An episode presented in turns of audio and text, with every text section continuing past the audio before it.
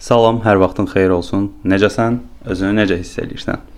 Bu necəsən özünü necə hiss eləyirsən artıq əməlli başlı yayılıb, çünki digər podkastlarda da bu ifadəni səsləndirirəm və hər dəfə yazırlar ki, dinləyirik deyirlər müəllim. Və adam deyir qəfildən o sualı eşidir, necəsən, özünü necə hiss edirsən? Deyir bir anlıq fikirləşsən ki, doğrudan mən necəyəm? Heç bu sualı özümə verməmişdim. Həqiqətən də qəribədir. Elə bil ətrafımızda o qədər sadə görünən amma diqqət eləmədiyimiz, amma həyatımıza təsir göstərən şeylər var ki, bunda biz o qədər də diqqət eləmirik, amma bir anlıq fərqində olunursan ki, doğrudan ya, yəni mən necəyəm? Uzun zamanda heç özümə mən necəyəm sualını verməmişəm. Bu proses necə baş verir? Çox qəribə bir şeydir. Yəni çox mürəkkəbliklər axtarırıq, bizi çox mürəkkəb yerə yönləndirirlər, amma sonra görürsən ki, əslində pul qazanmaq da, mənəvi tərəfdən də, insanlarla kommunikasiya qurmaq da, hər şey sadə şeylərin üzərində qurulur. Mənim ixtisasım biznes idarə etməsi və marketinqdir, sonra neuromarketinq, sonra sosial psixologiya.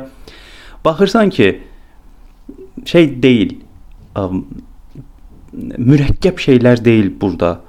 Hamısı çox sadədir. İnsanların sadə mexanizmlərinə toxunaraq satış eləyirsən, özünə cəlb eləyirsən, vərdiş elətdirirsən özünə və s. və s. Bax məsələ budur. Elə cinsi tərbiyə də əslində bununla bağlı olan bir məsələdir. Azərbaycan cəmiyyəti cinsi olaraq tərbiyəsiz cəmiyyətdir. Əxlaqsız cəmiyyətdir. Kəskin şəkildə bunu deyirəm. Çünki e, sekslə bağlı bir e, video, e, daha doğrusu podkast paylaşmışdım. Seks nədir? Bu onun davamı kimi olan bir mövzudur. Biz məktəbdə oxuyanda, səhv eləmirəmsə o podkastda da demişdim. Biz məktəbdə oxuyanda 9-cu sinif idi deyəsən, e, anatomiya dərsi var idi orada. Kişi və qadın cinsi orqanı ilə bağlı bir dərs var idi. Müəllim bizə o dərsi kleylətdirmişdi kitabın arasını. Mən də demişdim müəllim, bu dərsi niyə keçmirik? Mənə götürüb 2 yazmışdı müəllim. Onu keçməmişdi bizə. Bəzi müəllimlər o vərəqi kəsib çıxarırdı və s. və s.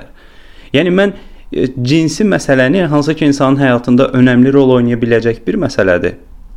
Tində dayanan qaqalardan, televizorda, televizorda yox, internetdə o vaxt yeni-yeni yaranırdı hələ. Orda burada olan mövzulardan, nə porno videolar var idi. Onda mən balaca uşaq idim. E, kimsə böyük kənardan baxırdı. Mənim maraqlı gəldi ki, görəsən o nədir? Mənə dedilər, get, get oyna, sən hələ uşaqsan. Belə bir şey. Qaçıb gedirdim və yaxud elə bir şey tərbiyəsizlik kimi görsənirdi və s. və s. və həqiqətən də e, Azərbaycan cəmiyyətində bax bu cinsi tərbiyəsizliyin olması indiki insan davranışlarından da özünü göstərir. Məsələn, bir qadın keçir, fərqi yoxdur hansı formada olursa olsun, adam çönür onun arxasına, ayağına, orasına, burasına baxır. Eyni detal qadınlarda da ola bilər ha. O da bəylərə baxa bilər, amma kişilərdə bu daha çox ön plana çıxır. Sanki o daxilində olan çoxalma istəyi, o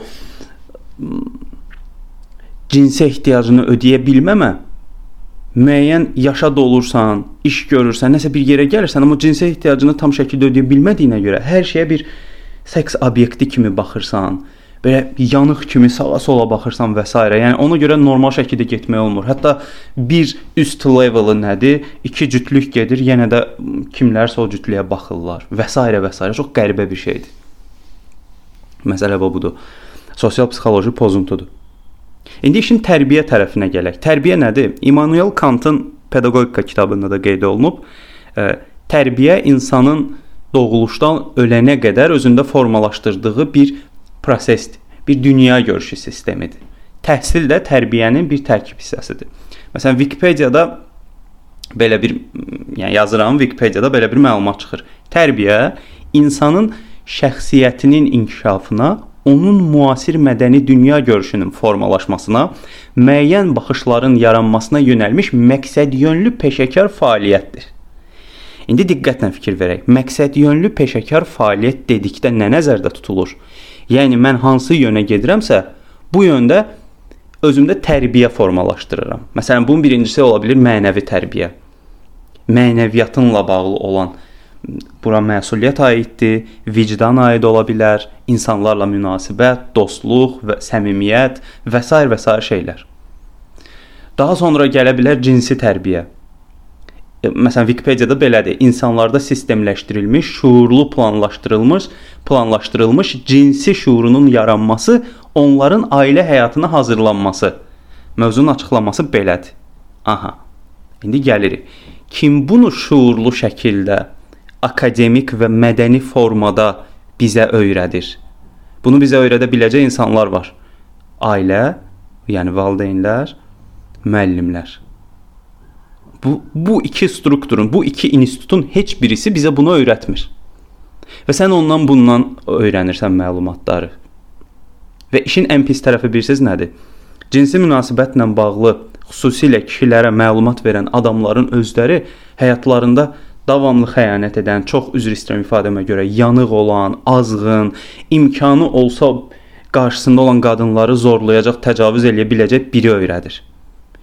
Qadınlara isə eyni detalı, o yengə obrazı var idi bizdə. Görüb o keçmişdə görən qadınlar, nə bilim, giz-giz şeylərdə, kinolarda falan, filmlərdən o şou proqramlara baxan qadınlar özündən balaca olan qadınlara nəyin necə olduğunu izah eləyir. Məsələ budur. Bax, bu iki balansın pozulması nəticəsində də ortaya cinsi tərbiyəsizlik çıxır. Sən öz cinsiyyəti ilə bağlı olan məlumatları akademik şəkildə öyrənə bilmirsən. Akademik şəkildə öyrənə bilinməyən şeylərin hamısı insana problem yaradır. Çünki insanın strukturu və onun cinsi həyatı çox əhəmilidir. Kimlə e, cinsi münasibətdə olmalıdır? Kimi seçməlidir? Bədənini tanıyırmı? hansı tip xanımla, hansı tip bəylə birlikdə ola bilər? Tərəf müqabili hansı formada olmalıdır? Erogen nöqtələri nədir və s. və s. kimi məsələlər insanın həyatında önəmli rol oynayır. Bax bunların strukturlarının dağıldı, dağıldığına görə bu strukturlar. Evlənirsən Kinder sürpriz kimi uyğunsuzluq yaranır. Kişi gedir xəyanət eləyir, qadın zorla özünü saxlayır, sonra qadın gedir xəyanət eləyir. Və belə-belə iyrənc-iyrənc məsələlər ortaya çıxa bilər və qarışıq situasiyalar ortaya çıxır. Məsələn mən e, kişi və qadın münasibətində e, işin sosial-psixoloji tərəflərini araşdıranda ortaya belə bir məsələ çıxdı ki, feromonlar, o tər qoxuları, bədənin qoxusu çox önəmli rol oynayır. Bir-birinə uyğun olmalıdır. Tər qoxuları bir-birinə uyğun olmayan iki partnyor heç zaman bir-biri ilə cinsi münasibətdə effektiv ola bilmir və bu da dünyaya gətirə biləcək, əgər onlar evlidirlərsə, dünyaya gətirə biləcək uşağın ə, sosial psixoloji məsələlərinə təsir göstərə bilir. Bax, çox qəribə yanaşmalar var. Bunların hamısının öyrənilməsi insanın özünün idarə edilməsinə gətirir çıxarır. Keçən dəfə mənə deyirdilər ki, misal üçün bir bir iki nəfərlə müzakirə etdim. Deyirdik, işin gücün yoxdur, nə edirsən bunları öyrənib? Nədir ki bunlar? Başa salmağa çalışıram ki, bax, fizioloji ehtiyac bir növ buna heyvani his, e, hisslər yox, heyvani e, intuisiyalar deyim də, yəni heyvanlarda baş verən proses, çoxalma ilə bağlı olan məsələlər. Yəni sən yolda bir xanım görə bilərsən, bir bəy görə bilərsən, onunla beyni sənin beyninə ondan yatmaq keçə bilər. Amma əgər sənin cinsi tərbiyyən varsa, yəni nəyin necə baş verdiyini bilirsənsə, sən özünü idarə eləməyə başlayırsan. Çünki zəka həm də digər məsələləri idarə etmək üçün nəzərdə tutulub axı. Dolayısıyla sənin öyrəndiyin akademik məlumatlar sənin həyatını şəkilləndirməyə başlayır. Sən bilirsən nəyi necə eləyəcəksən. Məsələn, cinsi tərbiyə ilə bağlı olan tərifi bir də təkrar eləyim. İnsanlarda sistemləşdirilmiş, şuurlu planlaşdırılmış cinsi şuurunun yaranması, onların ailə həyatına hazırlanması. Cinsi tərbiyə sistemləşdirilmiş və şuurla baş verən bir şeydir. Sistemləşdirilmiş dediyim şey masturbasiya nədir? Daxilimdə proseslər necə gedir, tərəf müqabilim necə ola bilər, erogen nöqtələr nədir, cinsi istəklər zamanı özümü necə idarə etməliyəm, cinsi istəksizlik nədir, ümumiyyətlə cinsi həyatımla bağlı olan məsələləri və cinsi orqanımla bağlı olan məsələlər haqqında nələr bilirəm. Bunların heç birisi əxlaqsızlıq deyil ha. Bunun əksi əxlaqsızlıqdır. Yəni misal üçün sən kitab oxuyub maariflənə bilərsən, nəyin necə olduğunu bilərsən, amma insanlar keçən dəfə bir nəfər paylaşmışdı. Səfərməsə Əhmədli istiqamətində idi.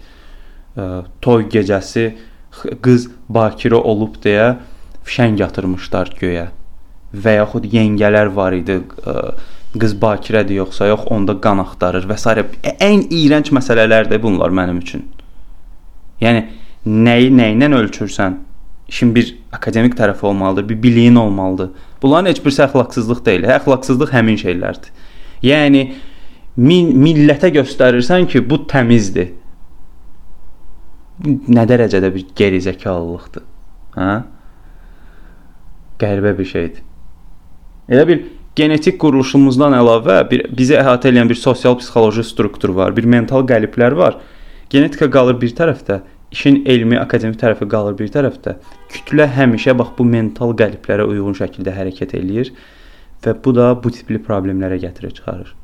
Cinsi tərbiyə nədir? Necə baş, baş verir insan özünü? Necə tərbiyə etməlidir? Bunun üzərində işləmək lazımdır. Və üzərində bunu işləyə-işləyə artıq bu bizi yavaş-yavaş formalaşdıracaq və yavaş-yavaş fərqləndirəcək. Artıq hər yerə belə çoxalmaq, cütləşmək kimi baxmayacağıq.